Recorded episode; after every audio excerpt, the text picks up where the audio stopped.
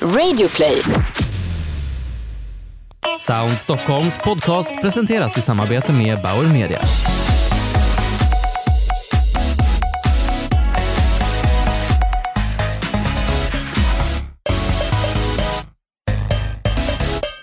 Välkomna till en podd där vi tar reda på hur ljud påverkar oss människor och hur varumärken kan använda ljud och ny teknik för att uppnå sina kommunikativa mål. Jag heter Thomas Nilsson och jobbar som reporter på Resumé. Just nu sitter jag i Bauer Media Studios på Resumés heldagsevent Sound Stockholm. Och idag ska vi träffa några av Sveriges främsta experter inom ljud. Framför mig just nu så har jag Margareta Andersson, ljudarkitekt och grundare av Lexter Ljuddesign. Välkommen hit, Margareta. Tack, jättetrevligt. Mm. Tack. Det, det, liknar ju ljuddesign i olika miljöer vid ljussättning. Uh, Hur kommer det sig? Vad, vad vad delar de två medierna för egenskaper? Hur påverkas vi av dem? Nu jobbar ju inte jag med ljus, men jag brukar nämna ljus ibland just för att vi är vana att vi ser saker. Eh, framförallt alltså vi som har syn. Då. Eh, att vi väldigt pratar om våra upplevelser genom vad vi ser. Eh, titta här vad snyggt, eller jag såg honom, jag såg henne, eller den här snygga och så vidare. Eh, vi pratar ju väldigt sällan om, eh, oj, vet du vad jag hörde? Eller vet du, oj vad det låter härligt här eller så. Eh, och ljud och ljus har ju lite grann de egenskaperna att Eh, de fungerar, gör olika saker, men, men fungerar lite på samma sätt. Eh, man tänker sig att man har en glödlampa. Då lyser man upp eh, en viss plats med en glödlampa. Om du har en högtalare så, så spelar du ljud på en viss plats och så räknar man ut ytor och skalor och sådär. Så att det är väl lite grann så, lite förenklat. Du är ju bland annat utbildad inom beteendevetenskap. Skulle du kunna berätta lite grann vad det är? För ni gör ju ljud till exempel. Eh, jag vet att ni har gjort projekt i Modgallerian här i Stockholm och eh, för eh, The Lobby bland annat. Vad, hur påverkas våra hjärnor när vi hör ett ljud som vi tycker om?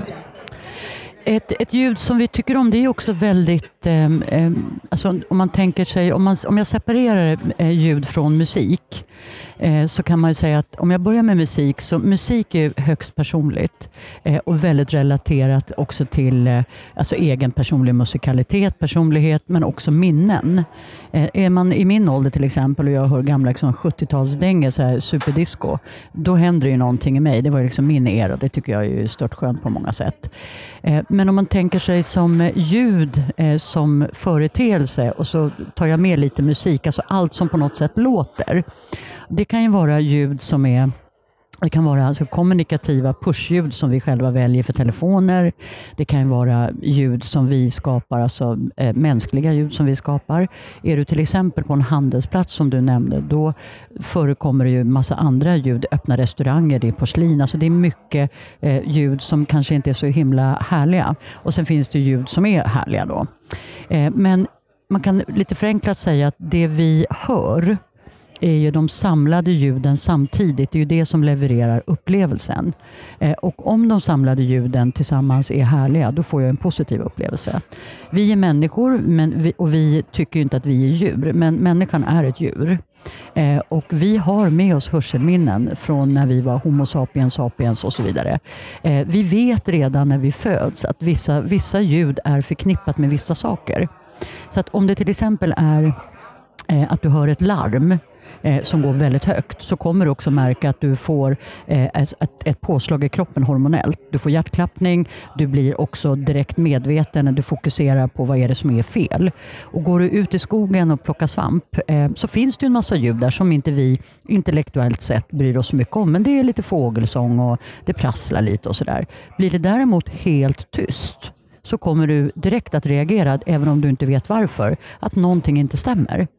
Så att ljud påverkar våra hormoner hela tiden. Och är vi utsatta då för dåliga ljud, ja då, då kan det också leda till, om vi redan är i hög stress, eh, att vi, eh, om man tänker att man får någon form av eh, Eh, eh, alltså hög stress eller lite, lite mot panikångest eller någonting, så brukar ju folk prata om att det är synen som sticker först, att man går in i liksom det här tunnelseendet.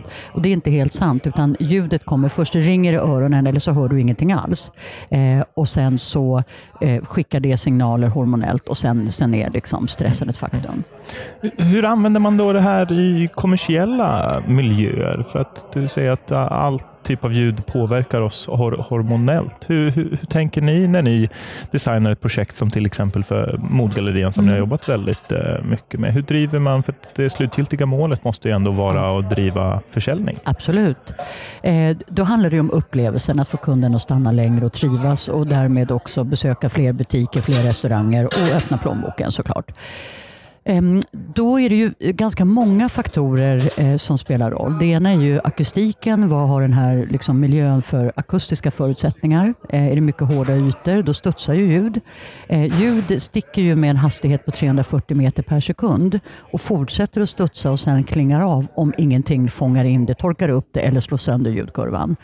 Så en sån här plats har ju väldigt mycket ljud. Först är det alla ljud vi har med oss, då, kanske med telefoner och högklackade skor och ja, allt som låter som vi bär med oss.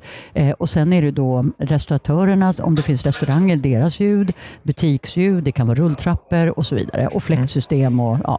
Så att då handlar det lite grann om att fånga in de här oönskade ljuden och det ljud som då adderas ska då kunna ta hand om de här ljuden och förvränga dem i den mån det är möjligt. Eh, och tar man till exempel Modo som har en stor trädgård. Precis nedanför trädgården så går ju stora trafikerade gator, Regeringsgatan, Mäster Samuelsgatan.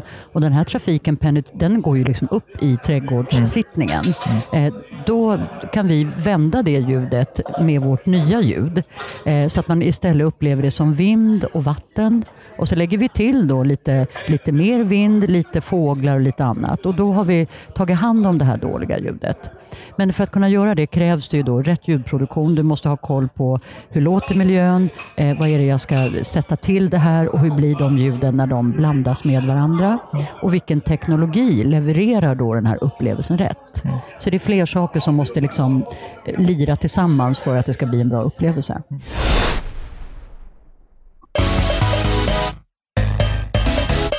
Går det direkt att härleda er ljuddesign så att säga, till, till ökad försäljning? Eller vad, hur, hur ja, det gör du ju om du, om du väljer att sätta ljudet i relation till...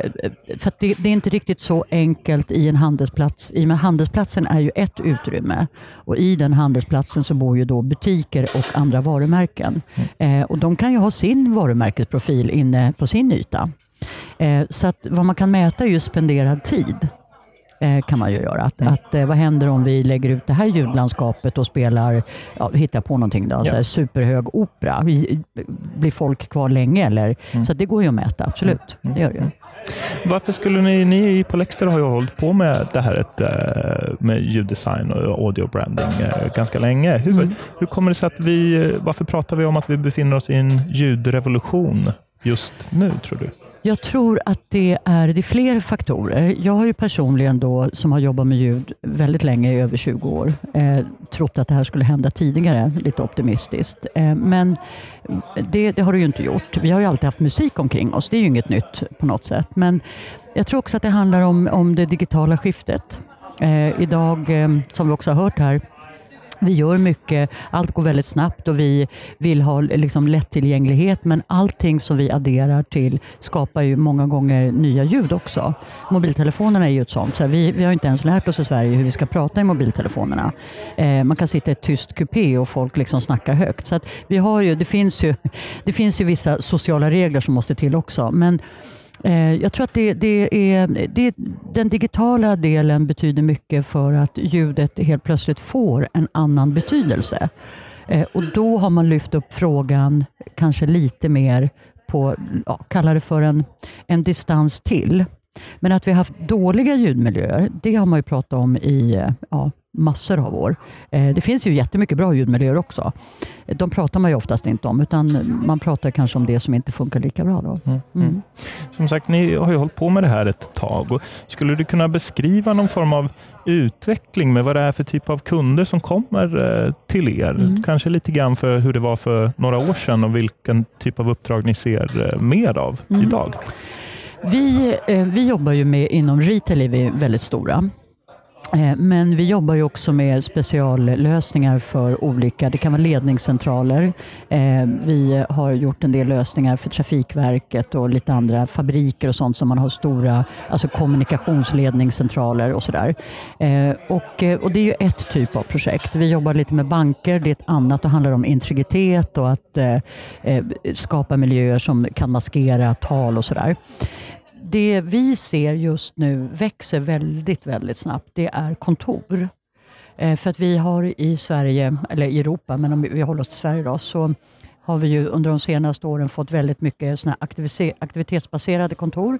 Eh, alla sitter tillsammans i öppna kontorslandskap och man har eh, olika ytor för olika saker. Och Det är väldigt öppet, det är mycket glas, det är mycket betong, väldigt lite absorption.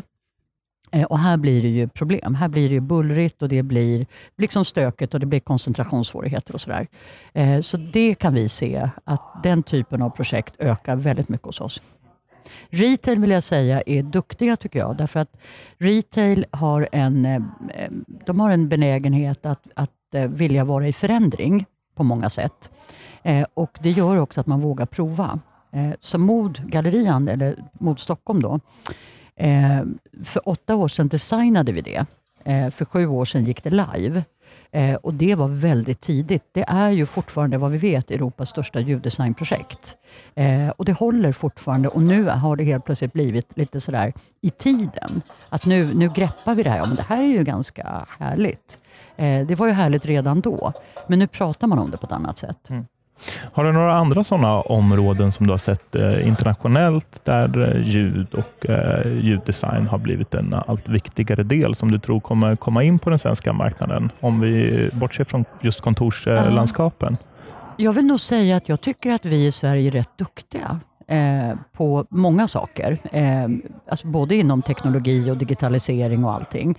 Eh, men det ämnet jag företräder, då, ljud i offentlig miljö, där vill jag påstå att vi har kommit väldigt, väldigt långt. Eh, och frågan är om inte Sverige faktiskt rent av är ledande. Det, det är de signalerna vi får när vi är på ja, till exempel International Sound Awards och sådana när man träffar människor från USA, Kanada, Brasilien och så vidare. Att, att eh, man är otroligt imponerad av hur man gör i Sverige. Eh, så att eh, vi kan ha nog mycket att lära ut, tror jag, eh, till andra länder och dela med oss av. Jag tror också att det kommer nya, alltså det kommer ju nya områden också för att vi är i förändring. Så vad ska jag svara? Ja, kontor är väl det som just nu finns problem att lösa.